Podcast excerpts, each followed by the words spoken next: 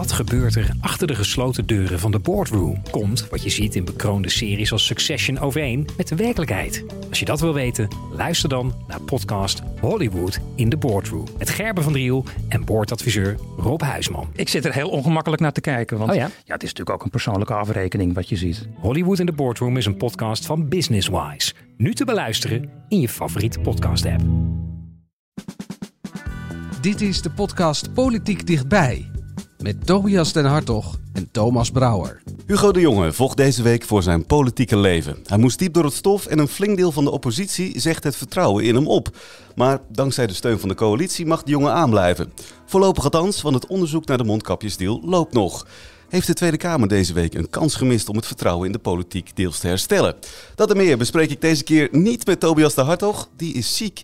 Maar wie er wel zijn, dat zijn Hans van Soest en Niels Klaassen. Welkom. Goedemorgen. Hi. Ja, goedemorgen. Het was een kort nachtje, Hans. Nou ja, op zich was het toch nog eerder afgelopen eh, donderdagavond. Hè? Want eh, ik weet niet wanneer mensen dit luisteren eh, dan, dan ik dacht. Ik had eigenlijk verwacht, we gaan diep de nacht in.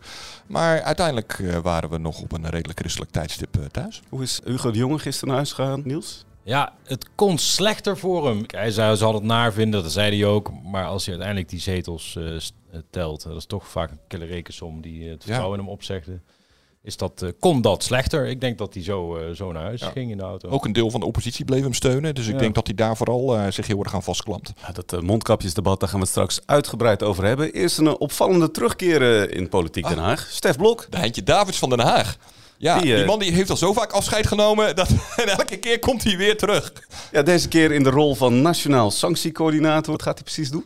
wat hij gaat doen, en dat is eigenlijk dus wel een beetje pijnlijk. Misschien moeten we heel even terug naar een week geleden. Eh, toen hadden we zo'n eh, debat met, met eh, minister Hoekstra van Buitenlandse Zaken. Die in de Tweede Kamer moest toegeven eh, dat het eigenlijk niet zo lekker liep met het naleven van de sancties eh, tegen eh, Russische oligarchen in Nederland. En hij kreeg er flink van langs eh, van de Tweede Kamer. De oorzaak van, die, die, die- van waarom het nog niet zo lekker liep, was omdat die sancties die moeten worden nageleefd door allerlei verschillende ministeries. Hè, die moeten er allemaal op toezien. En die samenwerking liep niet lekker. En al die ambtenaren. En dat was allemaal ingewikkeld. En wat was zijn uitvlucht? Ik ga iemand aanstellen die dat gaat coördineren. Eigenlijk gewoon zijn eigen taak zou je zeggen. am- ambtenaren aansturen. Maar vooruit, eh, er zou een zwaargewicht komen. En na het weekend kwam die ook. En die, wie kwam er uit zijn hoed? De hoge hoed? Stef Blok. En waarom is dat nou zo pijnlijk? Stef Blok was notabene zijn voorganger op Buitenlandse Zaken. Dus een minister van Buitenlandse Zaken komt in de problemen in de Tweede Kamer omdat er te weinig sturing is op het ambtenarenapparaat. Wat even- Als je het even afpelt uiteindelijk, dat is de kritiek. En dan laat hij zijn voorganger invliegen om zijn eigen ambtenaren eh, goed aan te sturen. Ja, ik, ik vind het echt wel een, een, een beetje een demaskee. Ja, en wat het extra pijnlijk maakt, de Tweede Kamer wilde juist een einde maken aan die terugkerende ministers, toch? Ja, dat ging vooral over eh, ministers die zeg maar eh, via de achterdeur weer terugkwamen eh, als hoofd van allerlei lobbyorganisaties. Ja, dat, bij dat, bedrijven of zo. Ja, Dat is dat, natuurlijk- dat ja. is Blok natuurlijk niet. Ik bedoel, hij, hij komt eigenlijk terug als een soort van eh, superambtenaar. Ja. Het is ook maar tijdelijk, want hij had eigenlijk al een, eh, een voordracht voor de Europese Rekenkamer. Dat gaat hij ook doen eh, later dit jaar. Maar ehm, ja, het, het is vooral opmerkelijk. Ah, het is opmerkelijk dat het nodig is. Je zou zeggen, ehm, eh, als Hoekstra er zelfs niet aan toekomt, dan zou je nog iets eh, bij kunnen voorstellen omdat die man veel in het buitenland is. Eh, er zijn nog 28 andere bewindslieden in dit kabinet. Er zit een, een, een andere minister, notabene, op dat ministerie die niet echt heel veel te doen heeft. Van buitenlandse handel heb ik de indruk. Ja, en dan, dan moet je een oud-minister invliegen. Ook nog eens een keer de oud-minister van Buitenlandse Zaken. Ja, Maar ook ik weer het, zo... Ja, Hans, je het heeft je- geen porum. Je, je hebt je al eerder over ver- verbaasd, volgens mij. In ieder geval, je hebt je even in verdiept. Dat ook steeds meer van dit soort rollen dan bij... Ja, Stef Blok is dan wel een politicus. Maar ja, die zit nu, nu namens een partij in een kabinet. Dit soort rollen van die... Ja, tussen ambtenaren... en Ja, die rare- de- coördinatoren. Of eh, regeringscommissarissen. Of eh, ja, wa- wat je eigenlijk doet, is dat je als, als politicus een deel van de verantwoordelijkheid parkeert bij een soort van. Ja, een soort tussenpersoon tussen de ambtenarij en de politiek in, die zichzelf niet echt hoeft te verantwoorden eh, bij de Tweede er- Kamer, er maar waar veel, jij hè? je wel achter kunt verschuilen als het misgaat. We hebben er nu veel. Ja. Mariette Hamer doet zoiets. Rabin Baldursing doet zoiets. Je hebt eh, voor discriminatie, maar ook voor MeToo-zaken. Nu heb je Stef Blok. Het zijn allemaal andere rollen hoor. Maar het zijn wel allemaal mensen die je eigenlijk niet naar de Kamer kan roepen als er wat misgaat. Maar die Nee. wel een heel belangrijke rol hebben. Dus, ja, dat is best dus wel... de volgende keer als eh, eh, de Kamer weer kritiek heeft over de nalevering van het sanctiebeleid, dan kan dus het kabinet zeggen, ja, maar we hebben nu een coördinator, die is daar druk mee bezig. Zonder dat ze daar zelf verantwoording hoeven af, voor Blijft, af te blijft leggen. Hoekstra buiten schot, dus. Eh, nou ja, kijk, uiteindelijk is hij natuurlijk wel gewoon politiek eindverantwoordelijk. Maar het is wel een manier eh, om de verantwoordelijkheid heel even lekker bij iemand anders neer te leggen. Ja. Stef Blok weer terug dus in de politiek Den Haag. Terwijl hij ooit beloofd had toch... Wat was nou zijn verhaal? Hij had een... Nou, zijn vrouw had een bed en breakfast. En eh, eh, hij was natuurlijk. eh, hij, is minister, kijk, hij is heel veel minister geweest. Hij is minister geweest eh, van wonen. Eh, hij is een tijdje op justitie gezeten. Een tijdje op binnenlandse zaken gezeten. eh, Economische economische zaken, buitenlandse zaken. Hij, hij, hij kent heel Den Haag van binnen en van buiten. Hij heeft het hele kwartet. Hij is, hij is eh, fractievoorzitter geweest van de VVD. Enfin, die man heeft absoluut wel veel uren doorgebracht in Den Haag. En eh, toen hij de eerste keer afscheid nam eh, eh, in Den Haag, toen was het verhaal van ja, mijn vrouw wil graag dat ik wat meer thuis ben. Die had een bed en breakfast, hè, daar zou hij in gaan helpen. Nou, daar heeft hij niet heel lang in geholpen. want, want toen ging uh, Halbe Zelstra, moest weg. eh, en toen eh, eh, kreeg hij een telefoontje van eh, eh, zijn politieke baas Mark Rutte. ik heb je weer nodig. Ja, hij gaat nog steeds niet in die bed en breakfast werken, Niels. Nee. Precies. De vrouw moet de eitjes alleen koken, s ochtends. Moeten we naar een krol? Die heeft er ook in, toch? En nee, die die meer. is er toch mee gestopt? Die is ermee Oh, ja. gestopt ook. Ja. Ja. Ik moet hem echt beter volgen. Ja. Ja, nou, we kunnen hier wel een kleine ronde gaan doen eh, straks. Als het toch eh, hè, rond de Pasen, dan hebben we een paar dagen vrij. Eh Stef Blok die maakt dus weer een rentree in Politiek Den Haag. Voor wie dat nog een beetje de vraag was of hij überhaupt nog aan het eind van deze week in Politiek Den Haag actief zou zijn. Dat was Hugo de Jonge. We weten sinds deze week dat Hugo de Jonge appt over knuffelen met zijn ambtenaren. Niels. Ja, dat was wel eh, dat was wel, ja, het was echt zo'n zo'n citaat waarvan je denkt, oh ja, het zegt wel weer precies hoe, hoe dat dan werkt. Iemand is heel lastig, hè. Siewert van Lien heb ik het over, heel lastig. Die is aan het aandringen en, en irritant aan het doen op Twitter. En die zegt dat hij het beter kan. En op een gegeven moment zegt dan een ambtenaar, joh, eh, Hugo de jongen, eh, op jouw verzoek ben ik gaan knuffelen tussen aanhalingstekens met Siewert. Ik heb er een dagtaak aan, als in lastig persoon. Probeer hem maar te vriend te houden op jouw verzoek. Ja, dat was, eh, dat was wel Ja. weer een inzichtelijk eh, Ja. citaat, vond ik hoor. Sowieso, eh, broer, het, het, het is inzichtelijk omdat het eigenlijk de, in de kern samenvat waar deze hele affaire over gaat. En dat is eh, regie over de beeldvorming houden. Kijk, dat er twee jaar geleden iedereen in paniek was omdat er te weinig mondkapjes waren en eh, mensen in verzorgingstehuizen en in ziekenhuizen met onvoldoende beschermingsmiddelen moesten werken. Daar heeft eigenlijk niemand. Dat snapt iedereen. En dat op dat moment eh, het kabinet eh, zijn best deed om eh, zoveel mogelijk van die, van die dingen in te slaan, dat snapt ook iedereen. Wat achteraf natuurlijk wel gewoon echt heel lelijk is, is dat er dan eh, wat achteraf een opleegter blijkt te zijn. In allerlei media eh, loopt te roepen. En eerlijk gezegd, daar hebben we hem ook allemaal de ruimte voor gegeven. Ook hand in eigen boezem. Van, oh, ik kan het veel beter. Het kabinet maakt er een zootje van. Kijk eens, ik kan het allemaal eh, leveren en ook nog eens een keer om niet. En dat dan uit angst voor die beeldvorming uiteindelijk op zo'n ministerie wordt gezegd: oh, dat moeten we, dat moeten we wegknuffelen. Dat zegt wel heel veel hoe het ja, toch een beetje werkt in Den Haag. Ja, het is een van die zinnetjes die eh, deze week naar buiten kwam in die honderden pagina's aan mailverkeer en appgesprekken tussen de jongens en ambtenaren en Siewert van Liene. Wat viel daar nog meer in op? Nou ja, kijk, dat er contact was met Van Lien en over Van Lien was deels bekend. Het stond ook een beetje omvloerst, bijvoorbeeld in antwoorden vorig jaar al. Maar nooit zo specifiek over de rol van de jongen. Heeft hij zelf ook altijd een beetje omheen gezeild. We hebben dat ook gevraagd, hè, want die, die boel ontplofte vorig jaar. Hè, die Seward deal, er kwamen onthullingen over dat, eh, dat hij eh, multimiljonair was geworden. Toen kwamen natuurlijk vragen aan de jongen van, joh, Hugo de Jonge, u was minister van Volksgezondheid. Hij is ook nog partijgenoot. Wat was uw rol? En die heeft hij altijd heel klein gemaakt. Hij heeft altijd, ja, hij heeft op een dun lijntje gelopen door niet letterlijk te ontkennen. Ik heb nooit met die man gesproken of contact gehad over hem, maar wel gezegd, het is niet mijn portefeuille, ik ben niet betrokken bij de deal. Nou ja, dat soort woordenspelletjes krijg je dan zo'n debat. Maar in die appstroom die deze week ineens openbaar werd gemaakt, want eh, daar is Dat was ook opmerkelijk, toch? Dat het dan opmerkelijk. zo vlak voor het Ja. debat komen opeens wel Ja. die berichten naar Kijk, Hugo de Jonge zegt daarvan, ik volg dat wel. Ja, ik heb dat. Ik, ik wil naar het debat komen omdat jullie twijfelen aan mijn integriteit. Hè? Dus dan wil ik ook wel laten zien wat ik dan ga zeggen. En als ik iets moet zeggen over mijn verdediging, ja, dan moet ik ook laten zien wat ik geappt heb. Dat is de redeneertrand van de jongen, dus daarom komt hij. Maar ja, dat, die appjes stonden bol van dit soort teksten, zoals Hans zegt, over dat eh, knuffelen. Maar ook eh, Martin van Rijn, die, die eh, Van Liende ook maar weinig vertrouwt op, over zijn claims. Van Liende, die dringt na de miljoenendeal nog aan, opnieuw aan bij de overheid op een extra deal. Dus die heeft dan al die eerste 9 miljoen uit mijn Ja. hoofd eh, verdiend. En zegt dan tegen Hugo de Jonge en tegen Mark Rutte via Pieter Omzicht van joh, ik heb nog een mooi aanbod en ik kan zelfs eh, gaan leveren aan tandartsen en naar Griekenland. En ik doe het nog steeds zonder zonder winstoogmerk. Dus die is heel erg aan het pushen. En Martin van Rijn zie je dus ook in die appstroom. Die zegt op een gegeven moment ook tegen Hugo de Jonge stuurt dat dan door naar Van Rijn. En Van Rijn, toenmalig minister voor, eh, voor dit soort zaken, die zegt dan joh, ik vind het niet zo geloofwaardig aardig. Want in zijn webshop liggen nog mondmaskers. En de, de kwaliteit moeten we nog maar even zien. Laten we maar even die 40 miljoen doen. Ik vind het trouwens ook niet zo netjes dat hij nog kritisch is op ons landelijk inkoopcentrum. Dus Martin van Rijn had echt, ja, het, hij zei het niet meer zo worden. Die had de tabak van. Die Ja. was klaar met Van Liende. Ja. Dus eh, ja, dat is heel inzichtelijk voor hoe, zo'n, hoe dat eh, spel, zeg maar, die, die, die, die machinaties op de achtergrond, waar wij normaal niet vaak inzicht in krijgen, om dat ineens te zien. Dat was natuurlijk ook een schok voor de Kamer. Lezen jullie nu, hè, jullie bereiden Ja. die ook voor op debat, lezen jullie nu ook al dit soort berichten van tevoren dan? Zijn al die mails en die apps, die hebben jullie allemaal gezien? Ja, met rode oortjes. Ja, Toch? tuurlijk. Ja, zo vaak erop, krijg je hè, dit soort inzichten Dit kwam niet. best wel op een verrassend moment, want eh, we wisten wel Ja. dat er iets zou komen ergens voor het debat, maar we wisten niet precies wat. Nee, we waren eigenlijk op voorbereid dat het pas echt een uur voor het Ja. debat of zo eh, zou komen. Dus ja. Dus ja, ja, het dan was komt, eigenlijk nog lekker dat je nog gewoon wat meer tijd had dan normaal gesproken. ja, ja, zeker. In dit geval wel. Maar als het dan komt, dan ga je allemaal lezen en scannen en, en, en zoeken op woorden natuurlijk. Ja, dan wil je zo snel mogelijk Ja. je lezer informeren. En het is ook mooi tegenwoordig, je kunt dat goed uitknippen, die conversaties. Dus je kunt ook je lezer meteen laten zien van, joh, zo werkt het eigenlijk. Het is best, best mooi dat dat kan. Eh, alleen het kwam wat laat. Deze selectie van die berichten die wordt dan gemaakt door de jongen. Dus hij kan zelf wel bepalen welke informatie de Kamer krijgt, welke informatie jullie als journalist krijgen. Nou ja, hij zegt zelf, ik heb alles gegeven. Ja. Eh, als straks, kijk, er loopt nog een onderzoek van Deloitte. Die hebben ook alle gegevens. Als daar nou straks uit blijkt dat daar nog iets in staat wat de jongen nou van de week niet heeft gedeeld met de Tweede Kamer. Ja, dan, dan is het denk ik wel echt einde oefening. Dus ik de- verwacht niet dat hij zo dom zou zijn geweest. Maar ja, je weet het nooit. Ja, wat in ieder geval wat hem op dit punt kwetsbaar maakt, zou hij wel gedeeld moeten hebben. Maar hij zei ook wel, dat was ook wel juist weer opvallend in het debat, hè, dat hij zei, ja, ik maak me nu wel een beetje kwetsbaar, want ik heb natuurlijk iets gegeven. En het kan best wel zijn dat er nog meer dingen, want ik loop ook nog op verzoeken, onder meer van, eh, van media. Er loopt nog een Deloitte-onderzoek en een strafrechtelijk onderzoek. Dus ja, het is echt wel een dikke kans dat dit weer een keer terugkomt op zijn bord.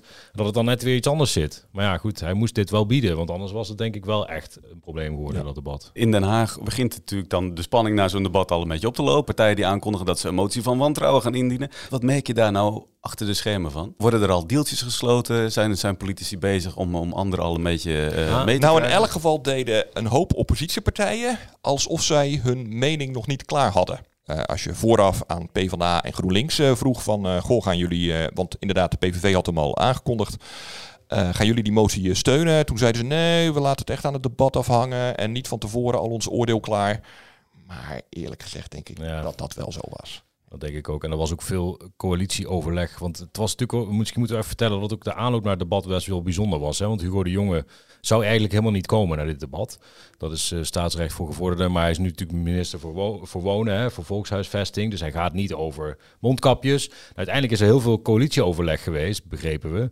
eh, afgelopen week, omdat iedereen een, een soort ongeluk zag aankomen dadelijk in een debat zonder Hugo de Jonge over Hugo de Jonge, waarbij Connie Helder, de minister voor langdurige zorg, al zijn verdediging moet doen. Terwijl Connie Helder natuurlijk niet geappt had met en over Van Liende. Ja. Dus dat was een soort schimmenspel geworden. Zoals iemand rond de Hugo de Jonge zei. Ja, dan wordt hij bij verstek veroordeeld. Want hè, alsof je in de rechtbank Ja. komt, de verdachte is er niet. Dus dat vonden ze eigenlijk een, een totaal horrorscenario. Dus ze dachten, oké, Hugo de Jonge moet naar het debat. Hè, daar was hij zelf uiteindelijk ook van overtuigd. Ja, wat ga je dan bieden? Ja, hij dacht, ja, dan moet ik ook wat stukken openbaar gaan maken. Ja, dus dat was al, eh, dat was al gek. En uiteindelijk, ja, de coalitie hem steunde, was eigenlijk best wel eh, vooraf al wel duidelijk. Als hij geen ongelukken zou maken, zo heet het dan. Want iemand zei, het grote, de grootste vijand van Hugo de Jonge is niet de Tweede Kamer, maar zijn eigen karakter. Met andere woorden, hij, hij kan niet zo goed, ja, vinden anderen dan eh, heel veel zelfkritiek leveren of zichzelf een beetje inhouden als hij aangevallen wordt. Dus dat, ja, daar vrezen ze voor ongelukken. Maar nou ja, dat. Kijk, in de kern had dit natuurlijk nooit zo'n grote affaire geworden als vorig jaar, nadat bekend was dat eh, Van Liende de boel geflest had. De jongen had gezegd, Jezus, wat heb ik me toch ook laten naaien door, eh, door de jongen. Het spijt me. Ik ben net als iedereen ben ik er gewoon ingetrapt. Dan had iedereen gedacht, ja, snappen we. Maar doordat hij eh, uit angst voor de beeldvorming en eh, ook wel een beetje ijdelheid en eh, misschien ook wel angst omdat het om een partijgenoot was en dat hij misschien wel beschuldigd kon worden van nepotisme, wat uiteindelijk alsnog gebeurde, eh, eh, daar zo schimmig over bleek toen, werd het eigenlijk alleen maar groter. Ja, geen Tobias vandaag, maar deze rubriek die gaat gewoon door.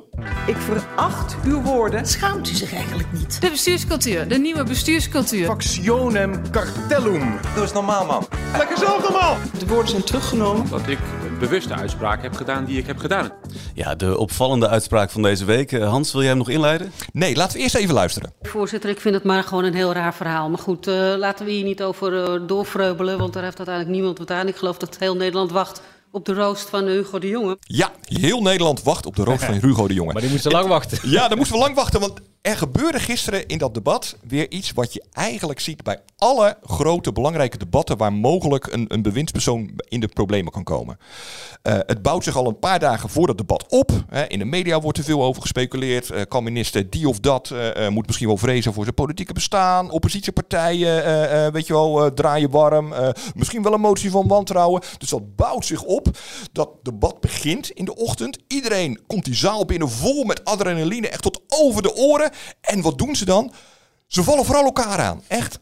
Ze zijn elkaar alleen maar in de haren aan het vliegen. En dit en dat. En jij, nee, jij. En tegen de tijd dat, uh, dat was gisteren ook weer, hè, het merendeel van het debat ging op aan Kamerleden die met elkaar in debat aan het waren. En tegen de tijd dat uiteindelijk de minister zelf aan het woord kwam, nou, gisteren was dat dan Hugo de Jonge, die kwam pas tegen de avond aan het woord dan merk je al, dat is een hoop van die, van die, van die, van die, van die, van die energie, van die adrenaline is weggevloeid. Uh, uh, je voelt als je in die zaal zit ook echt gewoon dat dat energieniveau is gedaald. En dan is het aantal interrupties is minder scherp. Ze, zijn minder in aantal. Uh, de woede is een beetje weggeëpt. En heel vaak gaat zo'n debat dan toch een beetje als een nachtkaars uit. En dat vond ik eigenlijk gisteren ook wel weer. Dat is echt heel... Let er maar eens op bij een volgend groot debat. En ik heb ook wel eens de indruk dat Kamerleden van de regeringspartijen precies weten hoe dit werkt en daarop inspelen. Gisteren was uh, Kamerlid uh, van het CDA Joba van den Berg. Die begon meteen door uh, de oppositiepartijen enorm tegen de haren in te wrijven. Iedereen was woedend, viel over erheen. En daardoor ging er al zoveel woede verloren, zeg maar, ja. die dus niet meer later richting de jongen ging. Ook met de unieke inkijk van gisteren met de informatie die we hebben gekregen, staat de persoonlijke integriteit van deze minister, wat ons betreft, niet ter discussie. Nou staat hier de vertegenwoordiger van het CDA eigenlijk het platte nepotisme van haar partij en wat hier gebeurt is te verdedigen. Voorzitter, ik zou de suggestie willen doen dat mevrouw van den Berg ook plaatsneemt in vak K. Uh, want nu wordt, wij zijn hier als Tweede Kamer, zouden wij naast elkaar moeten staan. Oppositie en coalitie, om een waarheidsvinding te doen. Om erachter te komen, wat waren de intenties? Wat is er gedeeld op welk moment en wat niet? En nu gaat u mij hier vertellen dat het allemaal goed bedoeld was, dat de intenties niet verkeerd waren. Hoe weet u dat? Dat kunt u niet weten, daar hebben we nu een debat voor. Ga alsjeblieft zitten. Het is echt een schande voor de Tweede Kamer dit. Ja, Ja, dus Echt, het was de ook, dus woede was hoog. Dus Ja. het was ook wachten op de roast van Hugo de Jonge. Ja. Omdat het CDA eerst eh, Joba voor de grill had geselecteerd. Joba Zeker. van den Berg, CDA-kamer. Dit moest gewoon Ja. ah, als bliksemafleider fungeren. Zeker. En later deed overigens eh, eh, het D66-Kamerlid haar werk wat dat betreft voor de coalitie ook goed. Weet je wel? Die maakte ook gewoon flinke ruzie met de oppositie. Dat duurde lang. veel interrupties. En ja, en dan merk je gewoon bij oppositiepartijen, Die worden die moe. gaan erin mee Ja. en die worden dan een beetje moe. Wel lekker natuurlijk voor de jong, want die had ook nog minister eh, Helder voor zich. Zeker. Ja. En eigenlijk had hij ook een beetje die rol gisteren, Niels. vond je niet? ik vond het heel merkwaardig. Want Connie Helder is minister voor langdurige zorg. Zeg maar de nieuwe, eh, de opvolger van Tamara van Ark. En zij heeft eigenlijk, ze had hiervoor één keer in de plenaire zaal gestaan. Dus ze was nog heel tamelijk onbekend zo. Eh, ze komt ook niet uit de politiek. Hè. Ze was bestuurder in de oudere langdurige zorg. Nou ja, en zij stond daar dus. En zij moest eigenlijk alleen... Ze had een heel klein pakketje eigenlijk die Ja. dag. Iedereen was aan het wachten. Ja, het klinkt al flauw, de roast van Hugo. Ja. Iedereen was was het voorprogramma. Ja, was het voorprogramma, ja, ja. eigenlijk een soort tussenprogramma. Maar ja, precies. eigenlijk, dit had in 10 minuten klaar kunnen Ja, zijn, en toch? zij, en zij kreeg dus vragen, eigenlijk een beetje procedurele vragen. Van, joh, u heeft nou onze brief gestuurd. Ja, dat is ook even voor de, voor, voor de luisteraar. Ik bedoel, zij stuurt alle stukken naar de Kamer, want zij gaat over beschermingsmiddelen. Maar ja, ze heeft alles gekregen van Hugo de Jonge. Dus zij, zit- zij zit ertussen. En zij kreeg een paar van die hele specifieke vragen. Joh, mevrouw, eh, mevrouw Helder, als eh, artikel zoveel van, eh, van, eh, van de grondwet goed lezen, dan hebben we eigenlijk recht op alle stukken. Hè? En zij kwam daar niet, aanvankelijk niet echt goed uit. Zij kon niet precies uitleggen waarom ze nou eigenlijk nu wel stukken deelde. Ja, van de jongen. En vorige maand nog niet. En ze had die al in september. Ze, ze kwam best wel in een lastig pakket Ja. te zitten. En ja, uiteindelijk is het En het leidde, geschorst. echt, ja, het leidde echt tot enorme oplopende woede weer bij eh, de oppositiekamerleden. Die inderdaad om een schorsing vroegen. En eh begrijpt mevrouw eh, Helder wel hoe de grondwet in elkaar zit. En dit en dat. En eens en nooit meer. En eerlijk gezegd, maar goed, misschien ben ik nu een beetje te achterdochtig. Ik vroeg me af, doet Helder dit nou expres? Of is ze gewoon onhandig? En, en ik neig eerlijk gezegd een klein beetje naar expres. Om, om wat... eh, Om toch weer, eh, net zoals eigenlijk eh, eh, wat we net zeiden over eh, leden van de eh, regeringspartijen. Het, het is ook wel lekker om, eh, zeg maar, voordat eh, zeg maar, de hoofdact die waarvan je weet die komt in de problemen eh, moet aantreden, eh, al eh, je tegenstander een beetje eh, eh, moeten laten draaien. Ja. ja. Of het nou expres is of niet, onhandig was dit sowieso. Eh, minister Jonge heeft voor zowel eh, als ook zo'n iCloud-account, beide gebruikersnamen, wachtwoorden en multifactor tokens gedeeld. Dit worden 3000 mailtjes. Oh jee, ja, ik zat ook op te denken of dat Oh, nou excuus. helemaal handig is. Ja, daar ging het Ja, e-mailadres. zullen we het uit de handelingen schrappen? Privé, privé-e-mailadres van Hugo de Jonge werd even in de plenaire zaal Ja, gedeeld. we hebben hem hier netjes weggepiept. Ja. Maar Ja, eh, werd Dit blijkt overigens keer- niet voor wat ik net zei, dat eh, het allemaal opzet was. Misschien was het toch... Ja. Hij had, wij hoorden net eh, bij de inloop van de minister had 4 tot 500 mailtjes al gehad. Heeft hij vandaag op vrijdag verteld. Maar het, dat, dat tekent wel een beetje dat, dat Helder daar gewoon nog niet... Stond te stuntelen. Ja, Ja, oké, oké. Misschien. Maar- ja. Misschien ben ik de achterdochter. Maar Wieberen van Hagen ging daarna trouwens ook nog een keer dat e-mailadres herhalen. Een paar keer. Zo van, eh, dan moeten we het hier niet over hebben. Nou ja, dat werd ook weer een dingetje op zich. Maar dat was op zich de minst van de kopzorgen voor Hugo de Jong hoor. Of zijn privéadres, dat zou je nog kunnen wijzigen. Ook nog je mailadres. Hij had wel wat anders aan zijn hoofd gisteren. Want het was toch echt wel bij tijd en wijle wel spannend voor hem. Het is sowieso een zware week geweest, een zwaar debat geweest. Als er openlijk wordt getwijfeld aan je integriteit, daar waar je van jezelf weet dat je je werk naar eer en geweten hebt gedaan, ja, dan raakt dat je. Dat gaat je niet in je koude kleren zitten. En ik heb destijds ook naar eer en geweten gezegd, ik heb hè, die, die deal niet eh, gesloten. Ik ben niet betrokken geweest bij het sluiten van die deal. Ik heb daar geen verantwoordelijkheid gehad, maar ik heb onvoldoende toegelicht welke contacten ik wel had. En ik vond dat ik dat wel had moeten doen aan eh, degene met wie ik destijds eh, een interview heb gedaan. De AD, RTL weet ik nog. Anderen misschien ook. Maar ook in de antwoorden aan de Kamer is dat contact onvoldoende vermeld geweest. En daarom heb ik ook gezegd, ik had dat beter moeten doen. Ik heb onvoldoende eh, volledig destijds de Kamer geïnformeerd. Eh, en daar heb ik excuses voor aangeboden. De Kamer wilde hem wel wat, wat dieper zien buigen, zeg maar. Eh, zijn neus raakte de grond niet, hoor, vond ik. Ik denk zelfs dat, eh, dat we, hij kreeg namelijk ook de hele tijd nog die aanmoedigingen, toch? Ja, Want, zeker. eh, men hoopte een soort grandioos gebaar van Hugo de Jonge, die daar bijna ging knielen of liggen. En zo van, ja, Het spijt me, mea culpa. Precies. Ja, het was Eh, mea minima culpa, ja, want ja. heel veel Kamerleden zijn nog, zelfs van de coalitie trouwens. Ja, u heeft nou in een briefje geschreven dat u het niet zo prettig vindt dat u ons niet helemaal Wat bedoelt u nou precies met uw excuses? Ja, wat bedoelt u Zo van, alsjeblieft excuses? Hugo, kom nou, kom nou, Ja. zeg het nou. Maar die kwamen niet. Nee. Nee, hij bleef heel erg binnen die marges. Kijk, want ik vind wel even... Hij heeft dus... Hij vindt zelf dat hij eh, onvolledige informatie heeft gegeven over zijn eigen rol. Kijk, anderen zien hem als dealmaker. Iemand die eh, Van Liende binnenhaalt en zorgt dat hij multimiljonair kan worden. Dat is het verwijt. Zonder de jongen was de deal met Van Linden Ja, niet exact. Dat zeggen partijen. De jongen zelf wil dat nog niet bevestigen. Zegt, Ja, dat zou moeten blijken of dat door mij een inmenging kwam. Ik heb gewoon wat appjes gestuurd. Hij, was- hij maakt dat klein. Dus wat het enige fout die hij echt toegeeft, zeggen, nou, toen ik daar vragen over kreeg, zowel van de Kamer als van de media, had ik vorig jaar al moeten zeggen dat ik die rol had. Dat ik geappt had over hem. En dat ik wel eens. Dat is de enige excuses die hij maakt. Ja, voor veel partijen was dat gewoon niet genoeg. Nee. Zij vinden dat Hugo de Jonge veel meer eh, invloed had, Ja. en veel meer deed, en veel meer bemoeide, en dealmaker was, en nou, et cetera. En dat, daar ging het om. En daarom wilde hij ook niet meer excuses maken. Want daarmee zou hij zijn rol ook weer Ja, groter kijk, maken. Zeker. Want hij- kijk, het blijft toch een beetje een woordenspel over betrokkenheid. Hij blijft zeggen, ik was niet betrokken bij de deal. Ik was ook niet betrokken bij eh het totstandkoming van de deal. Ik heb alleen maar eh, eh, eh, informatie doorgespeeld. Maar ja, eh, dat is natuurlijk in zoverre een... Als ik minister ben op een, eh, op een ministerie en ik zeg tegen ambtenaren, goh, kijk eens naar deze informatie. Ja, is natuurlijk wel logisch dat ambtenaren daarmee eh, aan de slag gaan. Want ja, ik ben hun politieke baas. Dus in zoverre snap ik de woede van de, de oppositie heel goed. Dan komt op een gegeven moment een motie van wantrouwen dan. Wordt gesteund door een groot deel van de oppositie. eh, haalt het uiteindelijk niet. Waren ook heel veel Kamerleden niet, overigens. Opvallend veel Kamerleden niet. Klopt. Maar het, die, die motie heeft eh, 50, 52 stemmen voor Ja. en Ja. s- 70 plus eh, tegen. Dus de coalitie eh, ja, hield vertrouwen in, eh, in de jongen plus enkele oppositiepartijen. Ja, 21 bijna helemaal, behalve Epping zag ik. Het Kamerlid Epping stemde wel voor de motie van wantrouwen. Dassen ook. Ja, ook voor de motie van wantrouwen gestemd. Ja, de jongen vindt dit voldoende steun om door te gaan. Je zou ook als minister kunnen zeggen, "Hey, joh, ik vind het een te grote groep mensen die mij niet meer vertrouwt. Ik stap op. Dat zou kunnen volgens mij, Hans. Hè. Dat is ook Zeker. gebeurd, denk ik, met zulke, Ja. zulke verhoudingen. De jongen vindt dat niet. Hij zegt, er is werk aan de winkel. Ik hou, ik hou eh, koers en ik werk door. Hè. Zo, zo zet hij zichzelf ook wel neer. Als het een beetje wind staat als eh, geboren zeeuw, ga ik door. Maar deze zaak is gewoon nog niet afgedaan. Dat is natuurlijk... Dat onderzoek moet ja, nog komen. Er komt echt nog veel meer. Kijk, we weten niet over de jongen zelf hoor. Misschien is dit wel zijn verhaal. Dat zou kunnen. Dat kun je niet uitsluiten. Maar zelfs coalitiekamerleden waarschuwen niet mis te verstaande woorden. Eh, vooralsnog behoudt u ons vertrouwen, zei Wieke Paulusma van D66.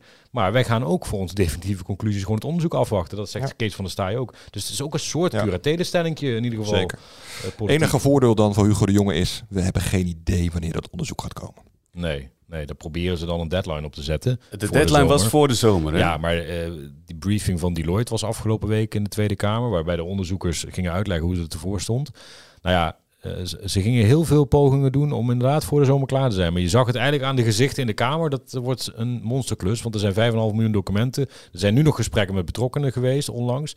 Nu nog extra berichtjes gedeeld. Ja, dat is natuurlijk een bult werk waar ze blijkbaar niet uh, snel uh, mee klaar zijn. Ja, en dus gaat de jongen voorlopig door. Wat een beetje blijft hangen na, na de afloop van dit debat... is toch ook wel de term nieuwe bestuurscultuur. Ja, wat zullen we daar eens over zeggen? Nieuwe bestuurscultuur, daar hebben we het al een jaar over in Den Haag.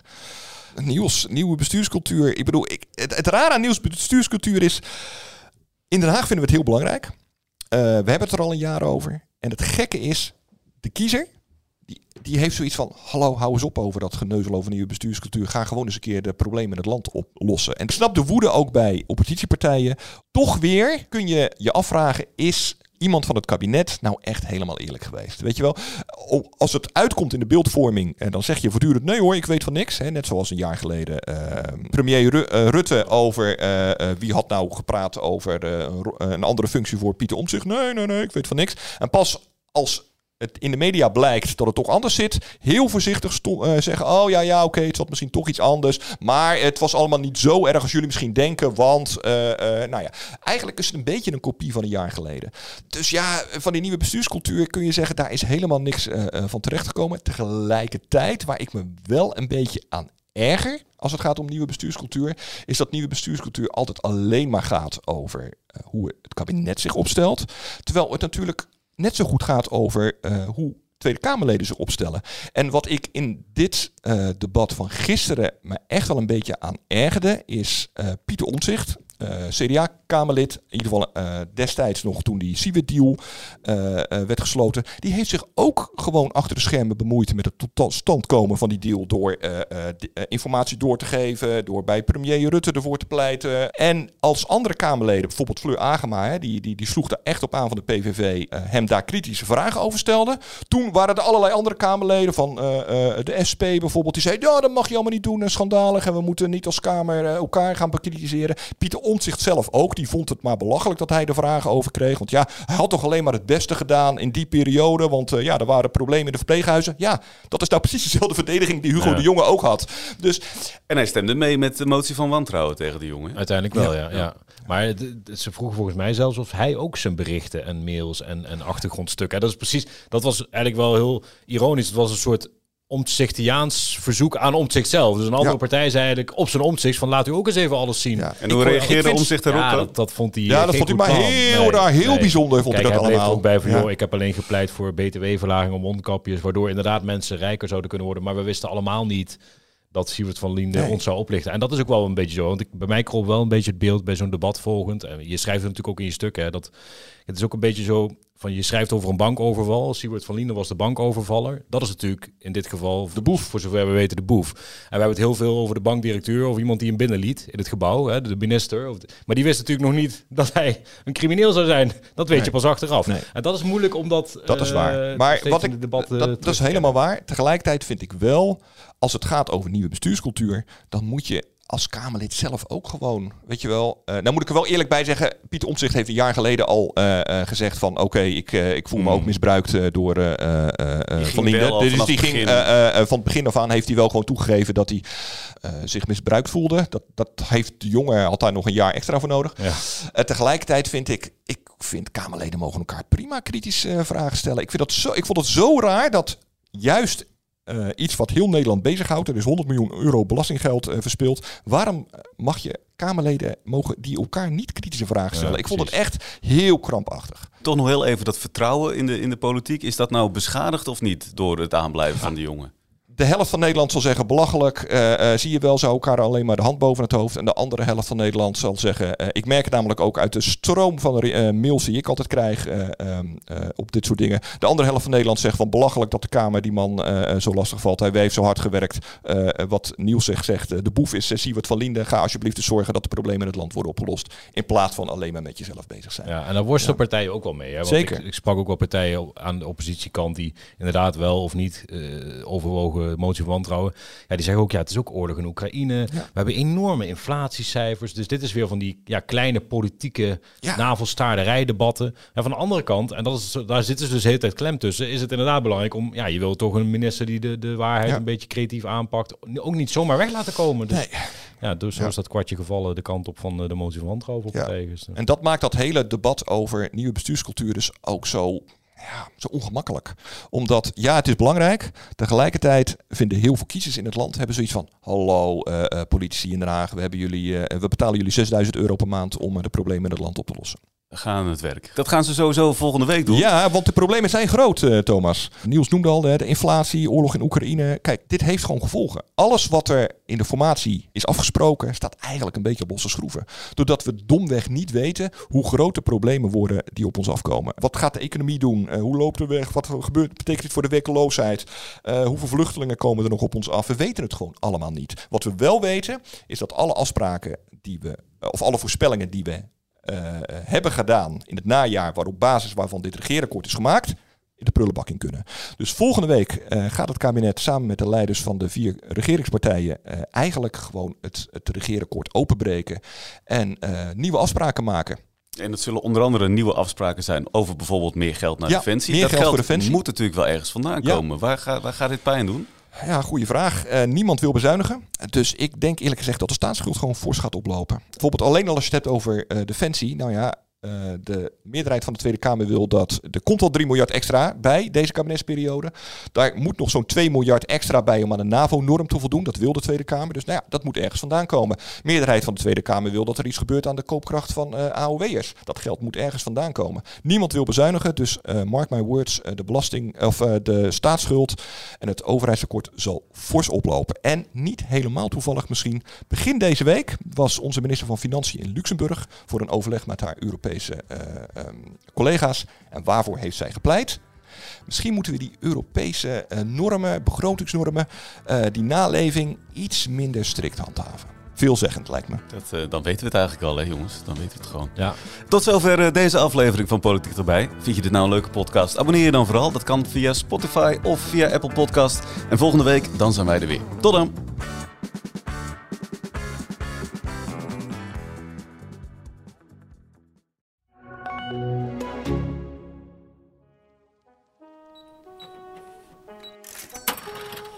Hoi, mijn naam is Bram Verbrugge. Ik ben coördinator van de Centrale Economie Redactie en wij maken een podcast over de economie die je in je broekzak voelt. Wil je daar meer over weten? Abonneer je op Geel Dichtbij.